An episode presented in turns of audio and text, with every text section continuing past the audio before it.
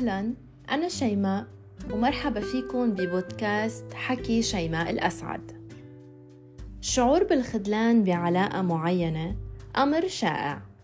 يعني إذا كان عندك توقعات بشيء معين وصار ما يخالفها ممكن تحس بخيبة أمل. بس الخذلان منه أمر نادر. بالإضافة فينا نتعامل معه بطريقة صح.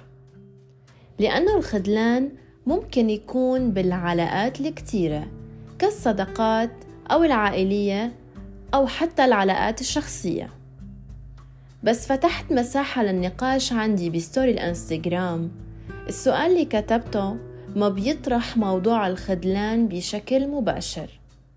ما هو السبب الذي يحول الشخص المرح المتفائل المحب للحياة إلى كتلة من الصمت والانعزال؟ أغلب الإجابات إذا مو أكثرها كانت عن الخذلان. يعني باختصار الخذلان من أصعب المواقف اللي بتمر علينا. اللي وهبناهن قلوبنا وأرواحنا قدموا إلنا الغدر والخيانة. يعني اللي كانوا قوتنا وسندنا غدروا فينا. بالتالي قلوبنا انكسرت وضعفت أجسادنا. صار عنا خيبة أمل فيهن لهيك كيف بيكون التشافي من الخذلان؟ يقال إنه الخذلان مو هو اللي بيألمنا ولكن ردة فعلنا وطريقة تعاملنا معه هي اللي بتحدد اللي عم نشعر فيه طيب كيف نتخطى هالشي؟ قبل كل شي لازم تتحكم بمشاعرك بعد انقضاء المشكلة كون لطيف مع نفسك وحتى لو كنت عم تحس بقدر كبير من الألم بعد الإصابة بالخذلان وخيبة الأمل لازم تعتني بحالك.